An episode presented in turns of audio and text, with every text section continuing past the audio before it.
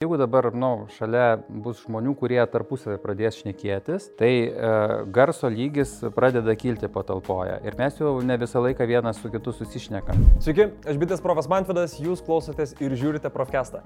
Čia kaip visą laiką kalbame apie technologijų įdomybės bei naujienas. Šiandien su manimi studijoje yra bitė Lietuva technologijų vadovas Gintas Butienas. Sveiki. Mes jau prieš tai turėjome pokalbį, čia yra pokalbio antroji dalis ir iš karto eikime prie įdomybių, prie kosmoso, prie Starlink. Ką galėtumėte papasakoti šiek tiek daugiau apie Starlink, kas tai yra ir kokia ateitis to? Tas kosminis internetas čia nėra kažkokia labai didžiulė naujiena, tai uh, ten tokie buvo ir anksčiau ryšio tiekėjai kaip Eutelsatas ten ir kitokie, kurie turėjo palidovinį ir internetinį ryšį teikė. Aš net ir pats galiu pasakyti, kad prieš gal kokią, nežinau, dešimt metų truputėlį net ir testavau ten to palidovinio ryšio ypatumus, tačiau skirtingai negu ten tie senesni interneto ryšio teikėjai palidovinio, Maskas tos palidovus paleido ne geostacionario orbitoje, tas geostacionario orbitoje, tai reikia įsivaizduoti, kad tie ankstesni palidovai, jie skriejo virš Žemės apie 35 tūkstančių km atstumu ir iš principo jų judėjimo greitis buvo kartu su Žemė. Mhm. Tai jeigu Žemė juda, tai ir tas palidovas kartu su Žemė sukasi ir jeigu žiūrint iš nu, vienos vietos, jis vienam taške. Ir antena nukreipusi tą vieną tašką, jinai faktiškai nesikeičia. Tai ta pati e, ir palidovinės televizijos idėja yra tokia pati, kad e, palidovai skrieja virš Žemės su tuo pačiu greičiu ir iš principo tavo antena nesikeičia. E, pas mus, kągi, tie palidovai negi stacionarioje orbitoje, tai yra daug arčiau nuo Žemės, skrieja nuo Žemės asmo apie 500 km, tai jau visiškai arti. Ir iš principo jie jau ne, nebestovi, jie skrieja ir jie skrieja, jų yra kiekis irgi pakankamai didelis, planuoja, kad ten apie, jeigu gerai atsimenu, apie gal 12 tūkstančių, jie skrieja aplink Žemę ir jau atrodytų, kad Žemė stovi vietoje, o tie palidovai aplinkui. Tai kągi tas leidžia pasiekti, tas artumas. Tai artumas prie Žemės padeda pasiekti uh, sumažėjusi vėlinimą. Tai ta prasme, tos 35 tūkstančius kilometrų, kur tas atstumas būdavo, nukeliauti, fizika yra ir jam ten suvaikščiojimui nuo Žemės iki palidovo ir atgal ir vėl atgal, ta prasme, gaunasi šimtai tūkstančių kilometrų. Ir ten gaudavosi suvėlinimai nuo 500 milisekundžių ir iki sekundės. Tai tau, jeigu paspaudus kažkokį tai tenai webiniam puslapį linką, tai jisai, tu palauki truputėlį, kol jisai ten suvaikščio tą užklausą ir tada tau momentų užkrauna e, tą puslapį. Kol dar pats puslapis užsikrauna, kol jo, dar... Tai papildomi... toks, vienu žodžiu, liktai sparta gera, tau ta prasme ten duodavo apie 20-30 megabitų, tai viskas veikdo. Pas Maską e, ta, tos problemos jau nėra, nes tas atstumas nebe 70, ten 35 kartų ten, nu, 1000 km ir jau tas suvėlinimas yra apie 40-50 milisekundžių. Jeigu palyginus su 4G, 4G technologija, apie dabar pamatavus su OKLA suvėlinimą, jis yra apie, nu, e, e, sviruoja tarp 15 ir 20 milisekundžių. Tai, dvigubai, tai, dvigubai mažiau negu. E, tai iš principo technologija visi gera, nu, ta prasme, masko, bet jinai, nu, prastesnė negu pas tave esantis ten šalia bokštas kažkoks. Tai. Ir su sparta, jinai, sakysim, šiandienai siūloma sparta iki 150 megabitų, bet e, idėja ta, kad tas palidovas pats iš savęs, e, vienu žodžiu, jisai tos didžiulės talpos labai neturi. Nu, jis paskaičiuotas ir Maskas pats sakė, kad e, jis nelinkęs labai smarkiai konkuruoti ir labai duoti ryšį didžiuliam masėm žmonių, nes nu, patys palidovai jie dažnais apriboti ir e, savo resursais bet jie orientuoti e, ryšį padaryti ten, kur nelabai yra alternatyvų. Ta prasme, arba operatoriam neįdomu, arba ten kažkokie tai nacionaliniai parkai, arba ten kalnai kažkokie. Tai, tai atsižvelgiant į tai, kadangi Lietuvoje internetinio ryšio plėtra yra viena iš pirmaujančių pasaulyje, tai mum patiems Lietuvoje Starlinkas jisai kažkuo labai... Nu, jisai bus e, e, ten kažkur tai naudojamas, bet nu, kainos prasme jis brangus. Kokybinė prasme tai nebus kažkoks tai 5G palyginamas produktas, ar net su 4G nelabai palyginamas produktas. Tai reiškia, turėsim grįžti atgal su greičiu.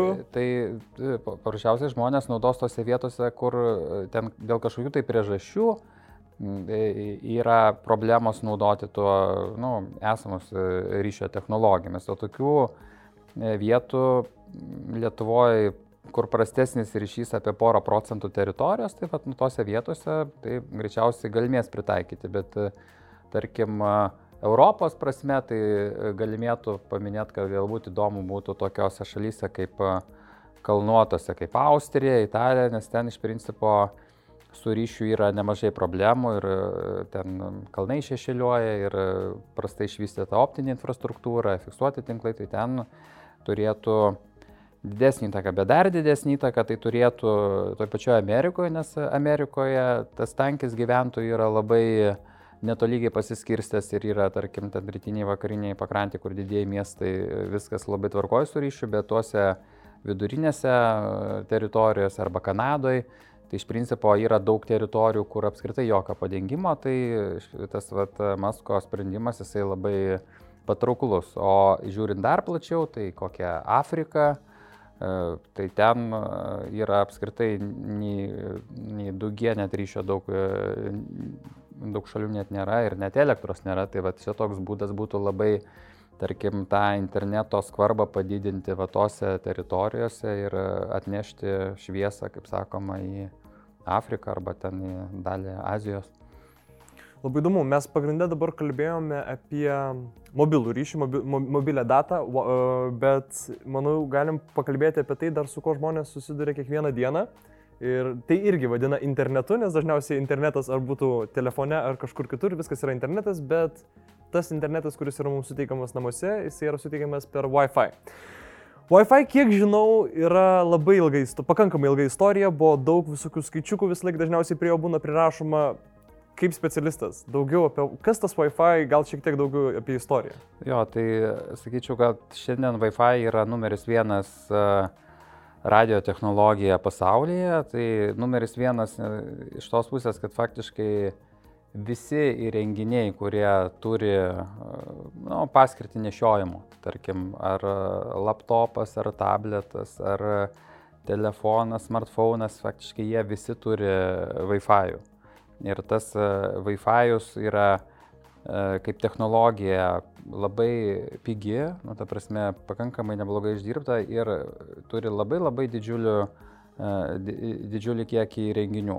Lyginant ten, tarkim, su mobilaus ryšio technologijom 4G, šiandienai, tarkim, nu, pas mus tinklė yra apie tarkim, arti 70 procentų palaikančių 4G technologiją, visi kiti renginiai arba 3G arba 2G.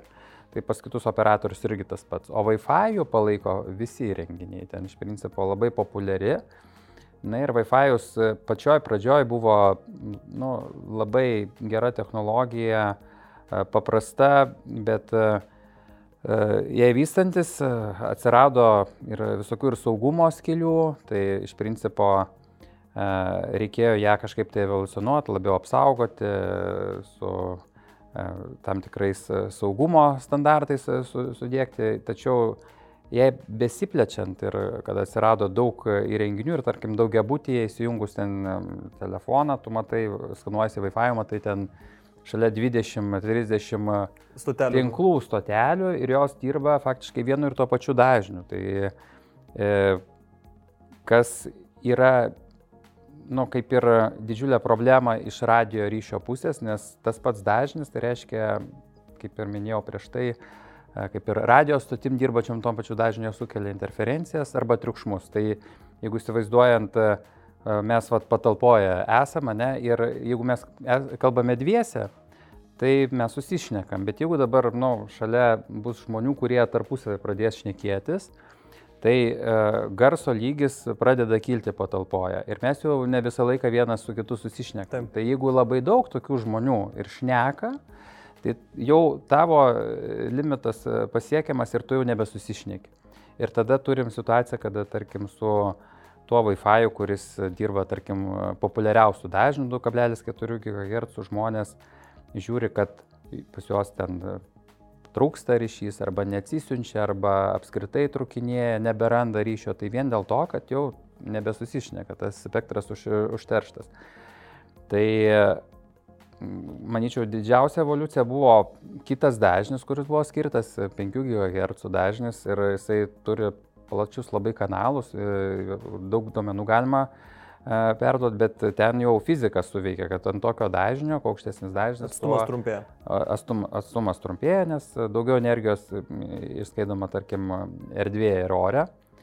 Tai šitoj vietoj pas žmonės tada ats... E, kita problema atsiranda, kad jie išeina, tarkim, kitą kambarį kažkur tai ir ten jau ryšio nebėra ne dėl triukšmų, o dėl to jų signalo lygio ir tau tada reikia namuose tų keletą vadinamo prieigos taškų Wi-Fi e, dėtis, kad tu užtikrintum e, ryšį. Lygų paskleidimą per visus namus. Jo, tai šitas dalykas, e, nu, sakysim, paskutiniu metu pakankamai prablytės ir dar sekantis lygis evoliucijos Wi-Fi tai yra tokia mesh arba tinklo technologija, kada tarpusavį ten tie access pointai, kuriuos tu, pavyzdžiui, namie įsidėlė, jie Tar, ruteriai tarpusavėje? Jo, jie tarpusavėje šnekas ir pavyzdžiui, jeigu tu turi skambutį kokį nors ant WhatsApp'o arba kompiuterio ir tu nuo vieno access pointo keliauji prie kito.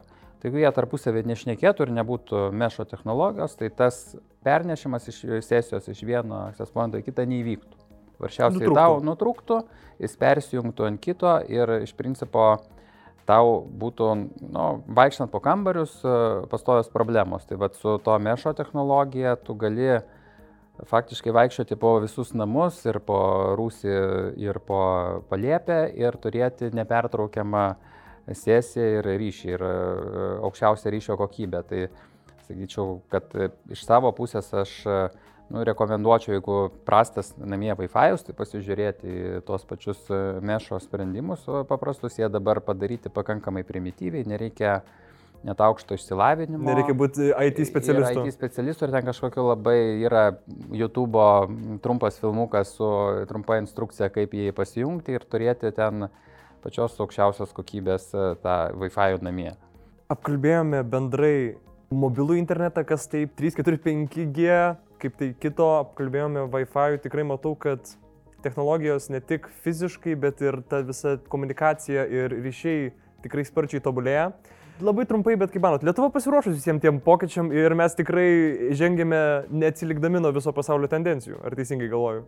Aš manyčiau visiškai taip, tik tai, nu, gal keletą tokių niuansų, kad uh, dabar nu, Lietuva Europos kontekste, tai gal truputėlį dėl 5G mes nu, atsiliekame, aš manau, kad ten greičiausiai pasivysim, bet e, pasaulio kontekste Europa truputėlį pakol kas atsilieka, nes e, tarkim, žiūrint į Aziją, žiūrint į Ameriką, 5G tinklai jau yra komerciniam režimė ir jau dirba nebe pirmus metus. E, tai Europa dar tik tai pradeda ir čia greičiausiai pas mus yra tam tikrų Europos ir demokratijos išraiškų, kad vienu žodžiu ten ar, ar Kinija, ar Amerika, nu, realiai e, vienas įsakymas ir šalis darosi, pas mus dar reikia susiderinti tarpusę visokius dažnius, bet e, šita situacija, kokia yra dabar, tai manyčiau, kad bet kokia atveju kelia optimizmo, nes e, šalis technologijų prasme faktiškai visais laikais mes buvome mm, topinėme lygyje, aukščiausiame lygyje ir kadangi pas mus nėra ten teritorijos e, dydžio kaip, e, tarkim, ar Rusija, ar kas, mes galime labai sparčiai vykdyti plėtrą, pasistatyti tinklus, susidėkti sprendimus, tai tikrai matau daug optimizmo. Kągi, ačiū Jums gintai, tiek šiandien šiam profkestui su mumis buvo Bitė Lietuva technologijų vadovas Gintas Butėnas. Na, o aš Mantvidas, kaip visą laiką primenu, jeigu turite papildomų klausimų, juos galite užduoti po šio video Instagram ar Facebook paskyrose. Mes Bitės profai esame pasiruošę atsakyti į visus papildomus klausimus susijusius su technologijomis, nesvarbu, ar jūs esate Bitės klientas ar ne. Tiek šiam kartui, aš buvau Mantvidas, iki kitų.